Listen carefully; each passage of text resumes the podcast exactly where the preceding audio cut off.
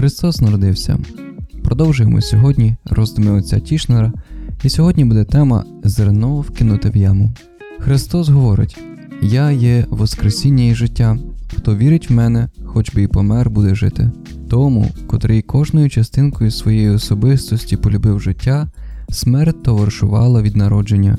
Однак це не була смерть звичайна.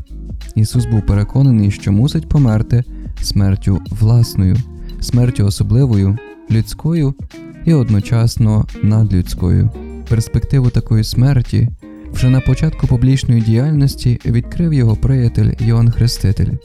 Він сказав: Ось агнець Божий.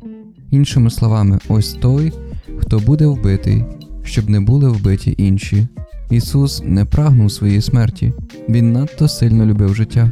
Був момент, коли він сходив з цієї дороги смерті, аж до тієї пори, поки вона не стала перед ним як найвищий і остаточний обов'язок. Тоді він молився ось як: Нехай мене мене ця чаша, однак нехай не моя воля буде, а твоя.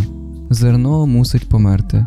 Через смерть воно досягало якоїсь незвичайної цінності, коли б зерно не померло, не принесло би плоду.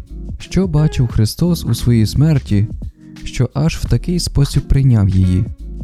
Щоб відповісти на це питання, мусимо розглянутись дещо навколо себе і запитати, що взагалі люди можуть сказати про свою смерть. Є люди, котрі втікають від самої думки про свою смерть, не бажають ані нічого бачити, ані нічого чути. Вони би хотіли, щоб смерть прийшла до них зненацька, як злодій, і одночасно смерть, котра на них приходить, не мов би не їхня смерть. Так ніби без власного обличчя жили під час життя, так само і безликою їхня смерть, не можуть померти своєю смертю. Натомість у випадку Ісуса ситуація була протилежною. Ісус, як мало хто, помирає своєю власною смертю.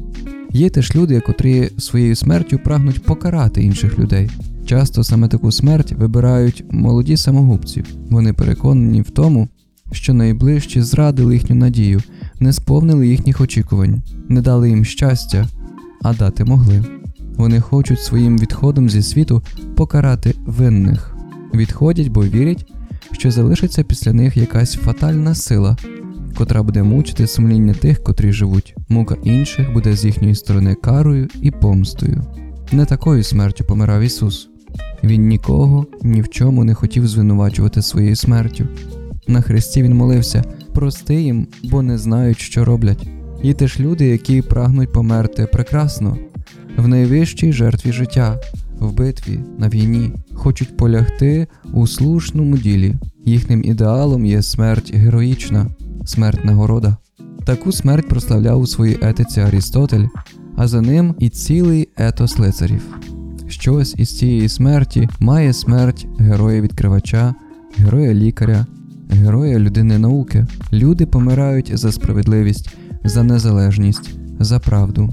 А Ісус, напевно, його смерть має щось зі смерті героя, вона є засвідченням правди. Однак Ісусу не йдеться про смерть прекрасну.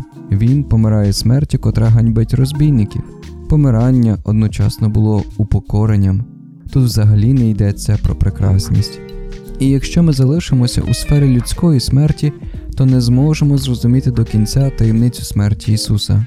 Його смерть є насправді людською смертю, але одночасно смертю іншою, понадлюдською. Правда про цю смерть є своєрідна. І оскільки не можемо зрозуміти смерті Ісуса через нашу смерть, то спробуємо зрозуміти нашу смерть через смерть Ісуса. Якщо зерно не помре, не дасть плоду. Ісус розглядав смерть у різноманітних площинах існування, так само розглядав і життя. Смерть тілесна була для нього проявом смерті глибшої, смерті духовної. Насамперед спопилявся в людині дух, а вже опісля приходила смерть тіла. Щоб перемогти смерть тіла, треба було прищепити життя в глибинах духа. Ісус говорить: це моє тіло, котре за вас буде видане. Що означає слово за вас? Слово це означає, що ця смерть є смертю з любові до вас. Життя своє даю за друзів своїх. Він є агнцем Божим. Ці слова також означають, що смерть має спасительний характер, приховує в собі міць порятунку. Але що це означає детальніше? Торкаємось тут однієї з найбільших таємниць Євангелія.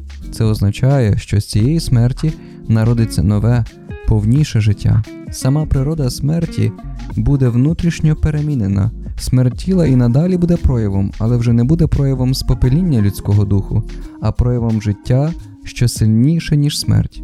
Смерть є випробуванням, з котрого родиться життя. Святий Павло скаже: з Христом воскреснемо. Сенс смерті полягає у Воскресінні. Ось перемінено природу смерті. Смерть стала видимим знаком невидимого народження. Якби під час нашого першого народження з лона матері ми мали свідомість того, що діється, то напевно би ми думали, що нам прийшов кінець.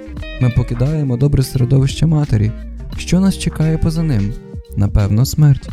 А насправді нас чекало повніше життя. Під кінець нашої земної мандрівки ситуація ніби повторюється. Маємо свідомість, що помираємо, покидаємо світ, де був наш дім.